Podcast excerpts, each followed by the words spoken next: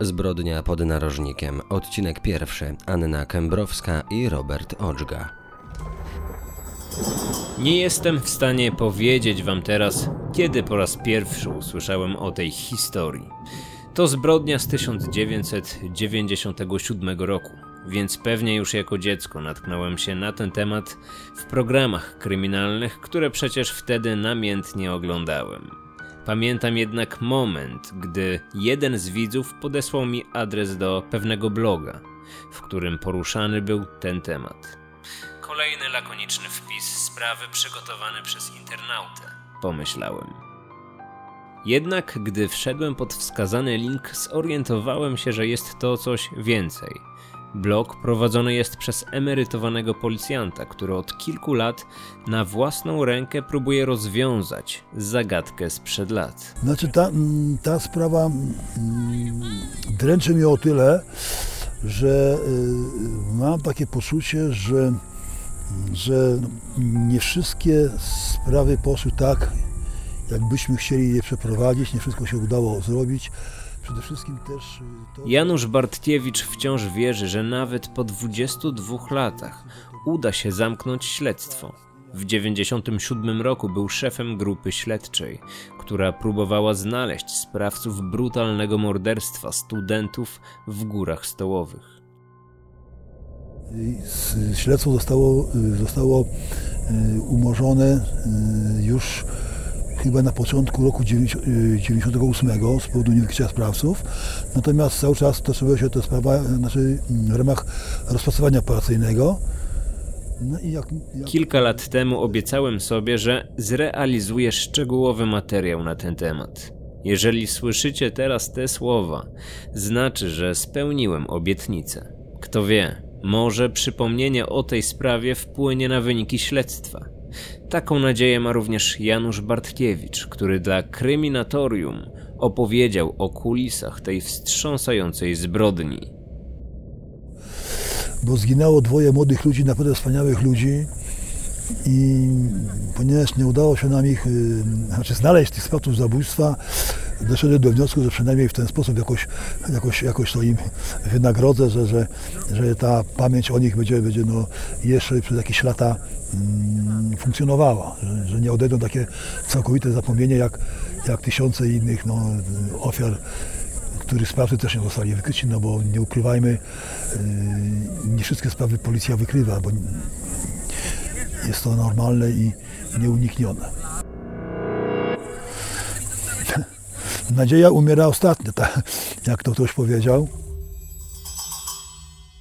Kryminatorium. Otwieramy akta tajemnic.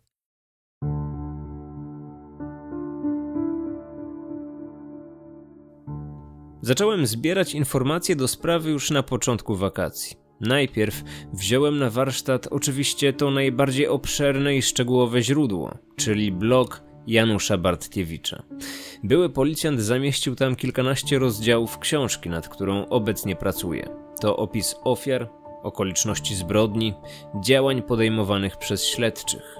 Z każdą nową informacją zbliżałem się do sprawy zabójstwa Anny i Roberta. Dlaczego zginęli? Jak wielki strach musieli przeżyć na chwilę przed śmiercią? Co czuli ich bliscy po tak wielkiej stracie? Jak wielka wściekłość musiała panować wśród policjantów ze względu na brak rezultatów w śledztwie? Zbierając informacje o sprawie, wpadłem na szalony pomysł, aby odwiedzić góry stołowe. Zobaczyć na własne oczy miejsca zbrodni, przejść się niebieskim szlakiem, którym podążali studenci na chwilę przed śmiercią. Wyjazd w to miejsce był tym bardziej zachęcający, że wcześniej nigdy nie miałem okazji zobaczyć tego pięknego terenu. Co więcej, zbliżała się też rocznica tego wydarzenia, za sprawą której pan Janusz Bartkiewicz zorganizował spotkanie dla najbardziej aktywnych użytkowników swojej strony. To już pewnego rodzaju tradycja. Dociekliwe osoby corocznie spotykają się na terenie gór stołowych, aby wspólnie z człowiekiem, który dla tej sprawy zrobił najwięcej, dyskutować o najbardziej zawiłych wątkach śledztwa. Wiedziałem, że nie jestem w stanie przygotować materiału na 17 sierpnia, czyli rocznicę śmierci Anny i Roberta, ale mogłem odwiedzić góry stołowe dokładnie tego samego dnia. Dokładnie w 22 rocznicę zbrodni pod narożnikiem.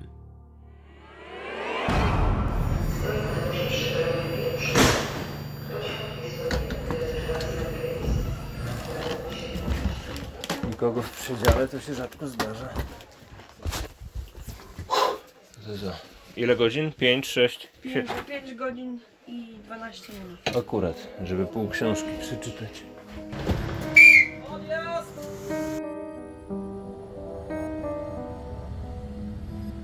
Aby dojechać w to miejsce, wybrałem mój ulubiony środek transportu. Przyznam, że zarówno podczas samej podróży, jak i całego wyjazdu towarzyszyła mi wielka ekscytacja. Tym bardziej, że zapowiedziałem przecież w podcaście, że mój wyjazd będę relacjonować na instagramowym profilu Kryminatorium Podłoga Niediegetyczne. Szanowni Państwo, zbliżamy się do stacji. Dusznik strój wysiadający, poszukiwanie bagażu i rzeczy osobistych, ostrożności. Po kilkugodzinnej podróży byłem na miejscu. Dusznik i Zdrój. Piękna, uzdrowiskowa miejscowość, która według Wikipedii położona jest na wysokości 583 metrów nad poziomem morza. Jadąc w to miejsce miałem przygotowany cały plan na moją wyprawę. Jednak najważniejszym elementem była rozmowa z tym nieustępliwym śledczym. Sprawą się zajmuję y, obecnie dlatego, że y, w latach 90. y, byłem naczelnikiem Wydziału Kryminalnego Komendy Wojewódzkiej Policji w Wałbrzychu i kiedy to zdarzenie miało miejsce, znaczy kiedy, kiedy zostały odkryte zwłoki studentów, zostało mi powierzone kierowanie grupą, grupą tą operacyjną, która zajmowała się, zajmowała się tą sprawą. No i, i, i... Janusz Bartkiewicz wielokrotnie zastanawiał się, dlaczego tej sprawy nie udało się rozwiązać. Oczywiście w śledztwie pojawiły się błędy. Nie zabezpieczono wszystkich śladów. Nad sprawą pracowało wówczas zbyt wiele osób, a to zamiast pomóc, wprowadziło niepotrzebny chaos. Nie mam jednak wątpliwości, że policja robiła wszystko, aby te sprawy rozwiązać. W marcu 2003 w marcu 2003 ja dostałem polecenie y, mojego ówczesnego naczelnika Wydziału Kryminalnego z Wrocławia o tym, żeby sprawę mm, zakończyć, a argumentem mm, takim głównym było to, że te dwa niewykryte, mm, bo to były dwa zabójstwa, jedna sprawa, ale dwa zabójstwa i one figurowały w katotece jako dwa zabójstwa. I argumentem y, który miał skłonić mnie do, mm, znaczy, który skłonił tych, tych, tych decydentów o tym, żeby do, do, tego, żeby sprawę zakończyć, y, to była statystyka. Obciążała y, statystykę wydziału, no sprawy niewykryte, no to źle się na to patrzyli mm, wyżej, więc lepiej zamknąć i wtedy czyste konto jest. I to, i to nastąpiło właśnie w marcu 2003, a w lipcu ja y, i jeszcze jeden kolega odeszliśmy na emeryturę.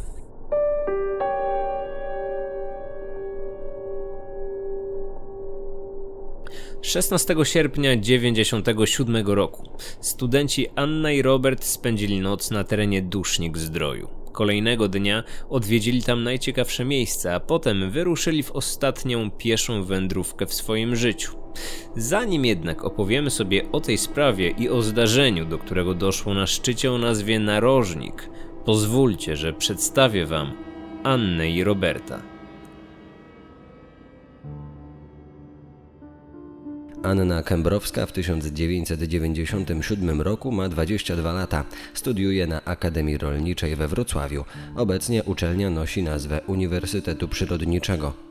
Anna to sympatyczna i grzeczna dziewczyna. Stroni od alkoholu, nie pali papierosów. Interesuje się turystyką, szczególnie lubi piesze wędrówki. Jednak jej największą pasją jest fotografia.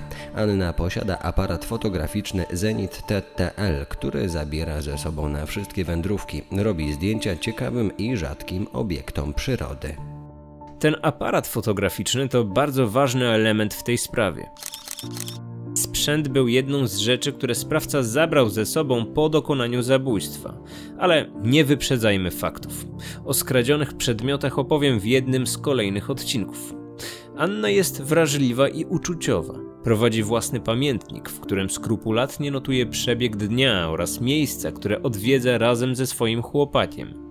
Na co dzień jest raczej cicha i spokojna. Chwilami wygląda na nieśmiałą i małą pewną siebie osobę. Znajomi Anny ze studiów wspominają ją pozytywnie. Energiczna i bardzo lubiana przez rówieśników, leczy się na dolegliwości alergiczne.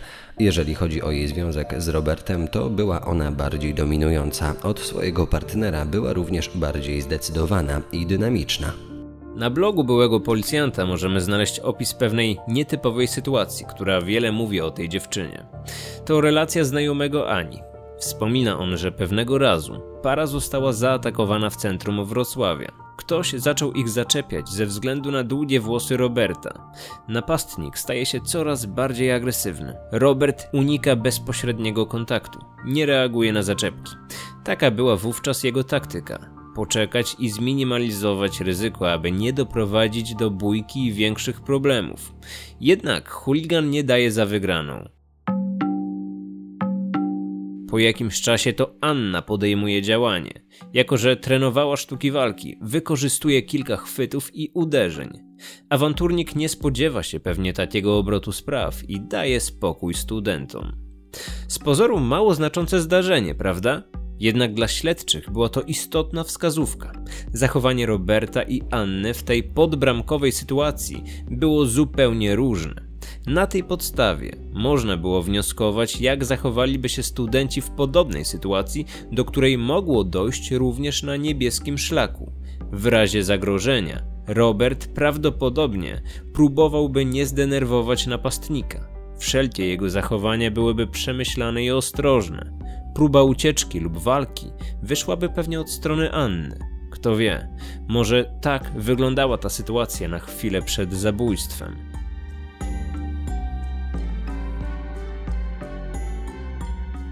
Robert Oczga w 1997 roku ma 25 lat.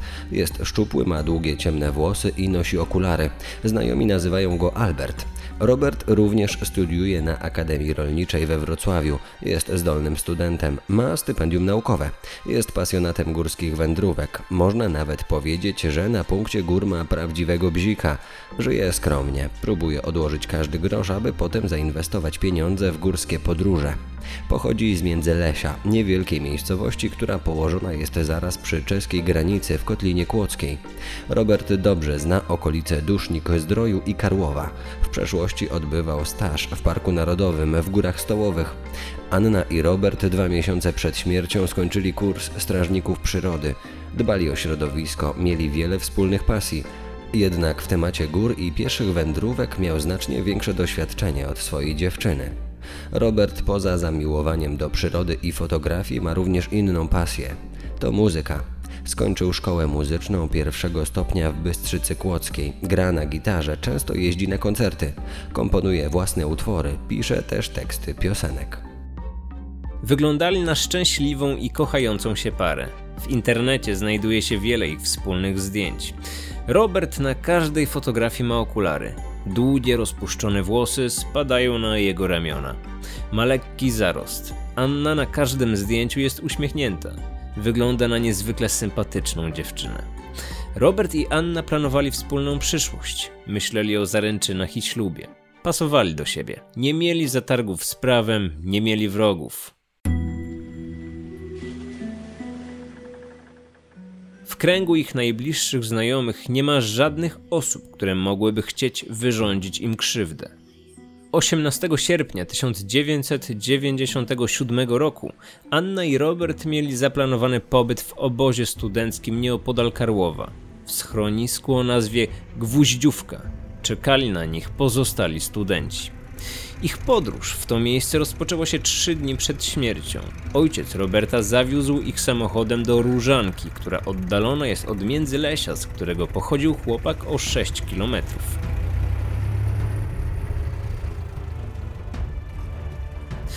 Tutaj rozpoczynają pieszą wędrówkę.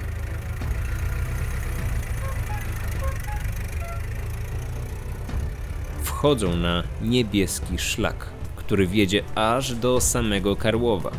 Do pokonania mają około 50 km. Zabierają ze sobą najpotrzebniejsze przedmioty, rzeczy osobiste, namiot i trochę jedzenia. Po czym wyruszają w ostatnią wędrówkę swojego życia.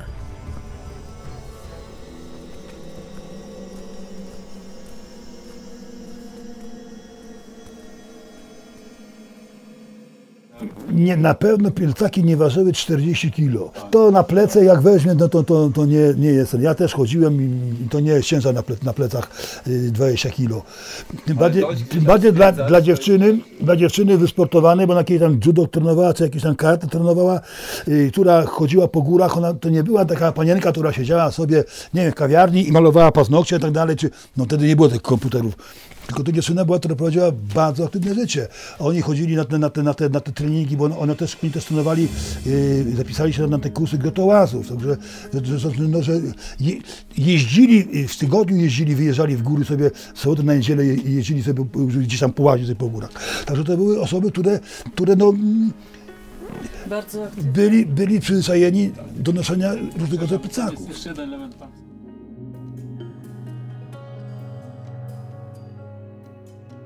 Umówmy się, dla zapalonych turystów te 50 km nie jest jakąś dużą odległością. Tym bardziej, że Anna i Robert mieli na pokonanie tej drogi przecież całe 3 dni. Kolejnego dnia, czyli 16 sierpnia, byli już w dusznikach zdroju. Wiemy, że ostatnią noc swojego życia spędzali na polu namiotowym. Jednak to jest wiedza operacyjna policji. Oficjalnie ustalić się tego nie udało, ponieważ najprawdopodobniej właściciel pola pozwolił studentom spędzić noc na swojej ziemi za niższą opłatą, a w zamian za to Anna i Robert obiecali, że zawiną swój namiot i opuszczą to miejsce z samego rana. Tak też się stało. Jednak wiemy, że dzień wcześniej szukali noclegu w hotelu Trapper. Byli widziani w towarzystwie tajemniczego mężczyzny.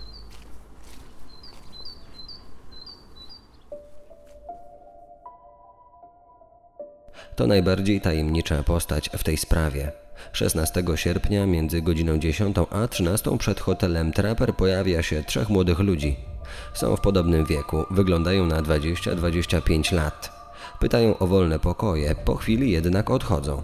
Rezygnują, ponieważ cena jest dla nich zbyt wysoka. Późniejsze działania śledcze potwierdzają, że dwie osoby z tej grupy to bez wątpienia Anna i Robert. Trzecia osoba to blond włosy mężczyzna. Wyglądał na przewodnika tej grupy. To on powiedział, że oferowany pokój jest zbyt drogi, więc wolą poszukać miejsca gdzieś indziej. Tajemniczy blondyn miał na sobie koszulę w czarno-czerwoną kratę. Był wyższy od Roberta. Hotel Trapper, w którym studenci byli widziani w obecności blondyna, znajduje się w części uzdrowiskowej miasta. Gdy byłem już w dusznikach zdroju, spróbowałem odszukać to miejsce. Dobry, przepraszam, szukam y, traper. Jakiś taki ośrodek gdzieś tu zdrojowa 42, panowie się orientują? Traper? Aha. Traper stąd to rozebrali. A, czyli on już nie istnieje. Nie istnieje ten A traper. ile lat temu to... Kurwa. W ogóle, że nie istnieje, to kupę czasu nie istnieje. Bo to nażyło pod zub, tylko nie no. do tej to było pamiętasz, no. ta zielona. To był traper. No chyba, że jest jakiś inny traper, o którym nie No chodzi chyba o ten, bo tutaj znalazłem w internecie adres zdrojowa 42, że rzeczywiście on tu się znajduje, a widzę puste pole. To było to. Tak.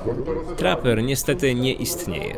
Zdjęcia tego obiektu zachowały się jedynie w starych programach kryminalnych. Jeżeli wejdziecie sobie na stronę kryminatorium.pl i odszukacie wpisu do tego podcastu, znajdziecie tam stopklatki zarówno z programu 997, jak i telewizyjnego biura śledczego, na których widać obiekt Trapper. Policja stworzyła portret pamięciowy tego tajemniczego blondyna. Rysopis pojawiał się we wszystkich mediach w kraju, od programów telewizyjnych po artykuły prasowe. Nawet obecnie, gdy wpiszecie w goglach frazę zbrodnia na narożniku, portret pamięciowy blondyna wyskakuje jako jedna z pierwszych propozycji. Policja sprawdzała osoby, które w tym czasie były zakwaterowane w hotelu Trapper. Sprawdzono również gości innych obiektów na terenie miasta i okolic. Policjanci pytali też o tego blondyna wśród wszystkich mieszkańców regionu. Pomimo włożonego trudu, ten tajemniczy mężczyzna do dziś nie został zidentyfikowany. Nie wiemy, czy był to znajomy studentów, czy może zupełnie przypadkowa osoba, którą poznali na szlaku. Policja brała również pod uwagę hipotezę, że to właśnie ten blondyn ma związek ze zbrodnią. Może śledził Roberta i Annę na niebieskim szlaku i kolejnego dnia to on dokonał zabójstwa. Jednak jaki miałby motyw? Kwestia blondyna o tyle nas zainteresowała, że to był człowiek, który był z nimi, więc chcieliśmy do niego dotrzeć, przesłuchać i się dowiedzieć, em, no, co mówili, jakie mieli plany, gdzie, to, to, to dalej, czy, czy coś opowiadali, co jakieś tego. I tego człowieka nie mogliśmy znaleźć. Mogliśmy tłumaczyć, że był to obcokrajowiec i dlatego informacja o niewyjaśnionej zbrodni z Polski nigdy do niego nie dotarła. Jednak świadkowie są pewni. Ten mężczyzna mówił poprawną polszczyzną i miał kontakt z Anną i Robertem. Czy ma coś na swoim sumieniu? Może był zupełnie przypadkową osobą, ale przestraszył się, że będzie powiązany z zabójstwem. Jeżeli tak właśnie jest, to ta sprawa na pewno do dziś chodzi mu po głowie. Kto wie, może każdego dnia żałuje, że 22 lata temu nie zgłosił się na komisariat, gdy po raz pierwszy zobaczył swoją podobiznę w mediach. zgłosiła do nas kobieta, mówi, to jest mój mąż. Jaki? No to jest mój mąż, jest ornitologiem, pracuje w Parku Narodowym Góry Stołowe jako... No, no, no ale, ale ja go w tamtym roku widziałem na, na spotkaniu y, z tym... Było spotkanie y, ten, tego, z okazji tego Marszu Pamięci, tam, tam było to spotkanie te, z uczelni, ci studenci byli, przyszli i, i ten, ten, ten, ten, ten pan stoi, ja do niego podszedłem i poznaje pan, on tak nie bardzo, ja mu się przypomniałem, o tak, tak, no pan znaje, tego, to upłynęło 20 lat. A jakby pan portret, to, no to, to portret rysowany wczoraj. Nie zmienił się. Te same włosy, te same rysy twarzy, to to samo jest, nie? I, i myśmy go sprawdzili, tego, tego, tego, mm, tego pana. Myśmy go sprawdzili. On był, yy, on był z taką swoją znajomą i jeszcze jednym mm, mężczyzną, to są, yy, to są ornitolodzy. Yy, był w Norwegii na, na jakieś tam prowadzili badania. On to jakoś tłumaczył, że, że, że, że, że, że no, jechali i tak dalej. Miał tych, tych, te dwie osoby za świadków, że oni pojechali do mm, rodziców jego gdzieś tam w jakimś mieście, tam gdzieś mm, na Dolnym Śląsku. Y, To zostało potwierdzone. W związku z tym, z tą taką jedną wątpliwością, że nie mieliśmy, że nie było tego potwierdzenia wjazdu, którego dnia on faktycznie przekroczył granicę, no, no przynajmniej tą, tą, tą już no, lądu stałego, tutaj, to znaczy to, nie, Danii, Niemiec, nie mówiąc o, o, o granicy niemiecko-polskiej, yy, nie było tych pieczęci. To z tego co pamiętam. Czy miał motyw? Robert rok, y, rok wcześniej, mm, jak mówiłem, miał praktykę mm, w tym, tym parku narodowym. W dyrekcji parku pracowało tylko kilkunastu ludzi. Nie ma siły, żeby przez miesiąc czasu oni sobą się nie kontaktowali. Bo musieli. A, a z tych rozmów i z tego, co tam później zostało zanotowane w mm, protokole przesłuchania, jakoś, jakoś mm, tam ta możliwość spotkania się z Robertem w czasie tej praktyki mm, nie jest jakoś wyeks- wyeksponowana, tak jakby się o tym przykład nie mówił tego, zresztą trudno mi tu powiedzieć. W razie, że tam mówię, kilkanaście ludzi pracowało w tej dyrekcji, a, a- Robert cały miesiąc, rok wcześniej był, był w tym, tym, tym parku. Ale nastąpiło potwierdzenie alibi, nie udało się tego alibi y, podważyć. W związku z tym, zgodnie z klasyczną zasadą, A w traperze nie był konfrontowany. Ten człowiek w traperze nie był konfrontowany. Ja pamiętam chyba, że mm, nie było okazania, ale że chyba zdjęcia były bardzo podobne. Ale to nie, nie trzeba było konfrontować, bo to każdy to się popatrzył na portret i na tego człowieka i wiedział, że to jest, że to jest, że to jest on. Dzisiaj, dzisiaj proszę sobie wziąć, po- portret jest publikowany E, Zdjęcie pana Mi- jest na jego stronie internetowej i sobie proszę porównać dzisiaj zdjęcie tego, ten portret, który zrobiłem 21 lat temu i obecną fotografię. Mężczyzna, o którym wspomina Bartkiewicz, poza tym, że był niezwykle podobny do tego tajemniczego blondyna z portretu, bez wątpienia znał się również z Robertem. Jednak to wciąż za mało, aby łączyć go ze zbrodnią. Ale jego zachowanie budziło wiele niejasności. Z drugiej strony to dosyć ciekawe, no gościu, który nie zna, nie zna, nie zna człowieka, no ale zna, zna bo, bo rok wcześniej się z nim musiał spotkać, w tym, w tym, tym i razem pracować.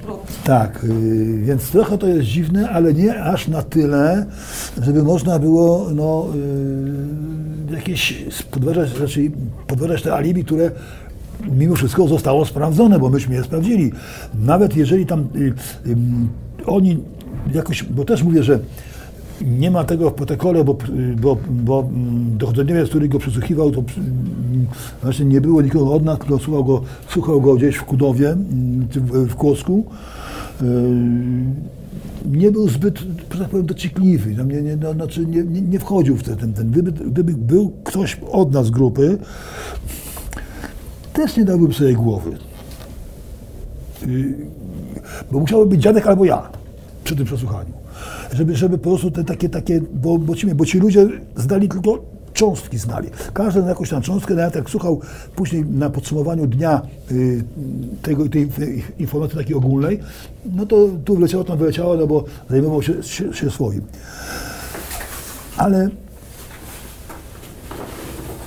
jeżeli, bo ja zawsze mówię jedną rzecz, jeżeli dany temat został w latach 97-2001 zamknięty, zamknięty, to znaczy, bo ja dzisiaj nie wszystko pamiętam, to znaczy, że on został sprawdzony. Bo gdyby byłyby jakiekolwiek wątpliwości co do tego, czy te alibi jest pewne, to ten temat zostałby w okładkach naszego, naszych działań jeszcze w 2001 roku. Więc jeszcze, jeszcze byłoby, jeszcze byłoby jakieś, jakieś, jakieś działania, jakieś tam sprawdzenia, a nie było. Do wątpi- co, do, co do alibi tego pana nie można mieć dzisiaj wątpliwości. Tak jak mówię, tam było, było jeszcze kilka innych takich wersji, mm, że tak powiem, mm, konkretne wys- wystawiona jakaś osoba, bo myśmy tam sprawdzali i, leś, i tych myśliwych, kłusowników, sprawdzaliśmy, y, sprawdzaliśmy Wiele niewyjaśnionych spraw ma ten swój charakterystyczny, tajemniczy element. Ten do dziś nieznany nam blondyn przypomina mi postać mężczyzny z ręcznikiem ze sprawy zaginięcia Iwony Wieczorek. Oczywiście nie chodzi mi o podobieństwo wizualne, tylko element śledztwa. Ważny świadek, który nie znalazł się przez lata.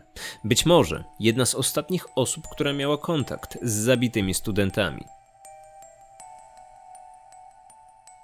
Może posiadać ważne informacje. Może Anna i Robert powierzyli mu jakieś tajemnice. Czy kiedykolwiek uda nam się odpowiedzieć na te pytania?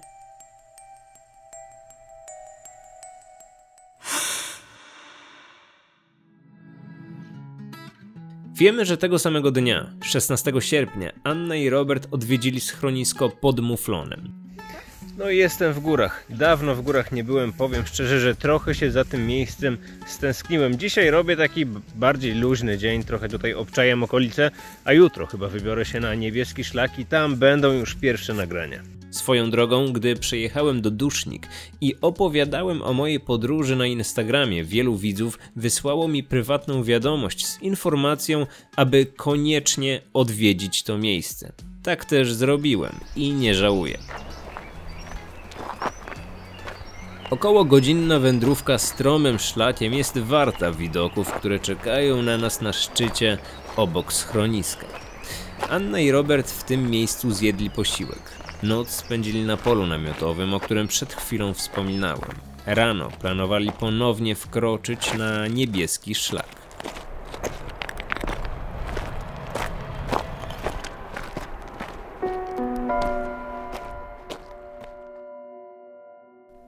17 sierpnia 1997 roku. Dzień zbrodni.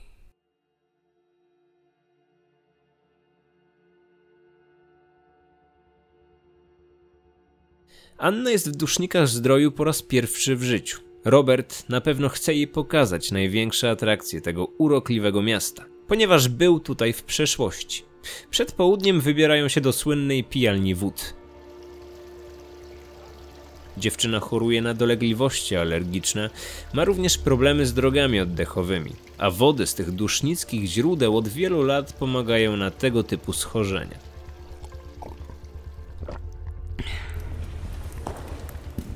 Co mogli robić później? Ciekawym elementem na mapie wydaje się być Muzeum Papiernictwa, które cieszy się popularnością nawet poza granicami naszego kraju. To jedyne tego typu miejsce w Polsce. Nie ma pewności, że studenci odwiedzili to miejsce, ale Robert, chcąc pokazać swojej dziewczynie najciekawsze zakątki miasta, na pewno postawiłby także na wycieczkę do tego muzeum. Przed ostatecznym wyruszeniem do Karłowa studenci odwiedzają jeszcze jedno miejsce. To stacja paliw. Znajduje się tuż obok wejścia na niebieski szlak. Anna kupuje tam kartę telefoniczną. Oczywiście nie chodzi tutaj o doładowanie do telefonu komórkowego. W budce telefonicznej obok stacji paliw Anna po raz ostatni kontaktuje się z rodziną. Informuje matkę, że razem z Robertem chwilę wcześniej odwiedzili pijalnię wód a za chwilę wchodzą na niebieski szlak, aby dojść do Karłowa. W głosie dziewczyny nie słychać nic dziwnego. Matka, która z nią rozmawia, nie zwraca uwagi na żadne niepokojące odgłosy. Nie dostrzega w jej głosie także zdenerwowania. Zwyczajna rozmowa, która nie różniła się niczym od innych. Dopiero po dziewięciu dniach było wiadomo, że tego niedzielnego przedpołudnia matka słyszała córkę po raz ostatni. Ważnym świadkiem okazuje się pracownica stacji benzynowej, która zapamiętuje Annę i Roberta. Podczas rozmowy z policjantami przekonuje, że para studentów była w tym miejscu zupełnie sama. Po zakończonej rozmowie skierowali się na niebieski szlak. Wówczas na pewno nikt za nimi nie szedł. Nie zauważyła nikogo, kto mógłby śledzić studentów. Dzięki relacji pracownika stacji mamy ważny punkt na osi czasu tej sprawy.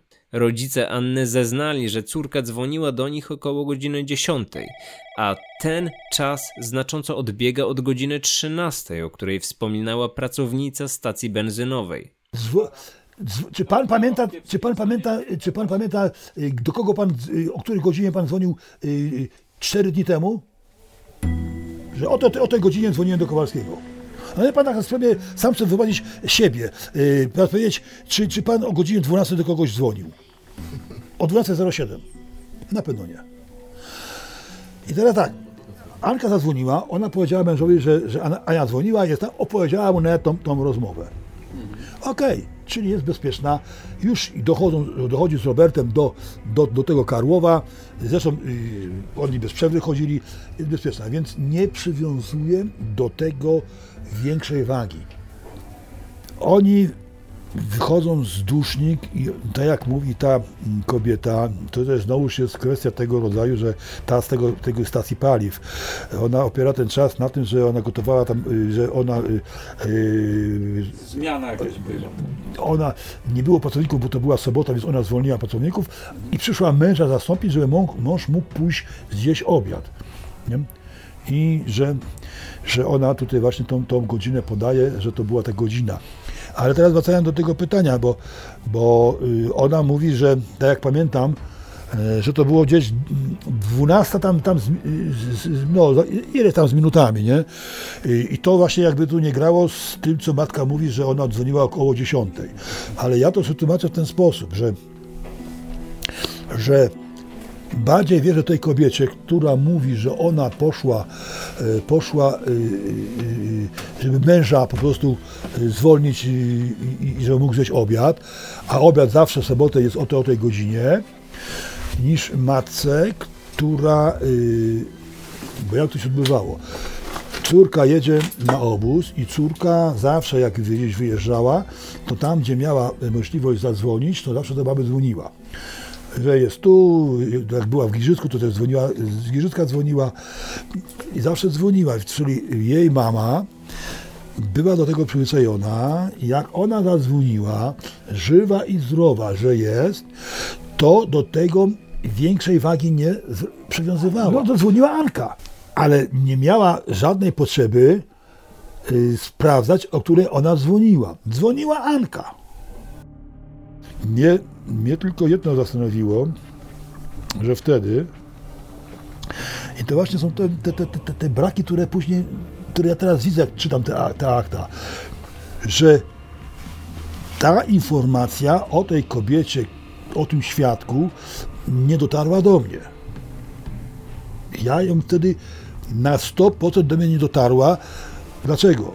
Dlatego, że przecież rzeczą naturalną byłoby wzięcie bilingu z tej budki albo, albo od rodziców y, wchodzące, ale tutaj przede wszystkim no z tej budki. Bo tam mamy, y, y, bo, bo, bo ona mówi, że ten chłopak też dzwonił że, że, że czyli, ten, czyli Robert. Więc, a tej budki później tam budka została zlikwidowana, zdemontowana. A, a nie, nie ma, a, a gdyby był zdjęty billing, to byłby to w materiałach procesowych, czyli dochodzeniowych, a tam tego nie ma.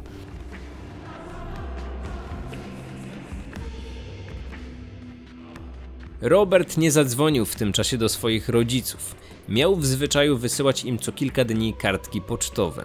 Żaden z jego znajomych nie potwierdził również, aby tego dnia telefonicznie kontaktował się z Robertem. Do kogo w takim razie dzwonił wtedy student? Może była to osoba, z którą para była umówiona na szlaku albo w Karłowie. Może był to tajemniczy blondyn, a może jeszcze ktoś inny. Na te pytania policja wciąż nie poznała odpowiedzi. Tydzień później, 24 sierpnia, około godziny 22. W domu rodziny Kębrowskich rozlega się dźwięk telefonu. To jeden ze znajomych Anny i Roberta. Dobry wieczór. Przepraszam, że niepokoję o tak późnej porze, ale chcielibyśmy się zapytać, czy Anna jest w domu. Czekamy na nią tutaj w okolicach Karłowa wraz z innymi studentami. E, jeszcze kilka dni temu zapewniała nas, że przyjedzie na obóz, a tymczasem od kilku dni nie mamy z nią kontaktu. Chcielibyśmy się zapytać, czy może zachorowała, czy może zrezygnowała, jakie są powody jej nieobecności. Zaniepokojony ojciec Anny od razu kontaktuje się z rodzicami Roberta. Niedługo potem zgłoszone zostaje zaginięcie. Kolejnego dnia rodzice jadą do Dusznik Zdroju, ponieważ z tego miasta mieli ze swoimi dziećmi ostatni kontakt. 25 sierpnia o zaginięciu dowiaduje się GOPR, czyli Górskie Ochotnicze Pogotowie Ratunkowe. Dobra, panowie, mamy kilka godzin do zmroku. Jedna grupa pójdzie w stronę Karłowa, tutaj ta z Adamem pójdzie na Lisią Przełęcz. Y, działamy, panowie, działamy. Zwracajcie proszę uwagę na te najbardziej niebezpieczne miejsca. Może gdzieś będą ich rzeczy osobiste, ich ciuchy. Y, szukajcie wszystkiego, co może... Około godziny 13.30 rozpoczynają się poszukiwania. Bierze w nich udział 13 ratowników górskich, którzy podzieleni zostali na cztery grupy. W akcji biorą udział również trzy psy przeszkolone do poszukiwania osób zaginionych.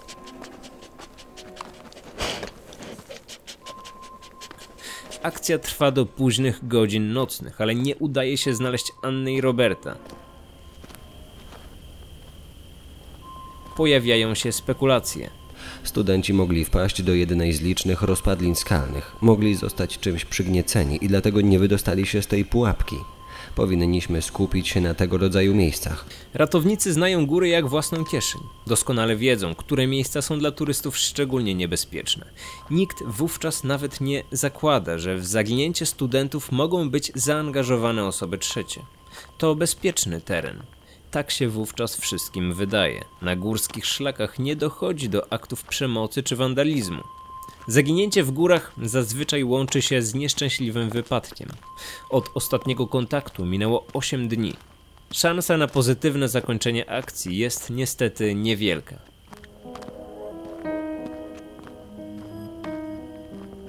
Kolejnego dnia ratownicy kontynuują poszukiwania. Jedna z grup podąża niebieskim szlakiem w stronę Karłowa. Około godziny 14 pies łapie trop. Szukaj, Brutus, szukaj, szukaj. Czekajcie. Mamy coś. Mamy coś. Dobry piesek, dobry. Szukaj, szukaj. Słuchajcie, chyba złapał trop.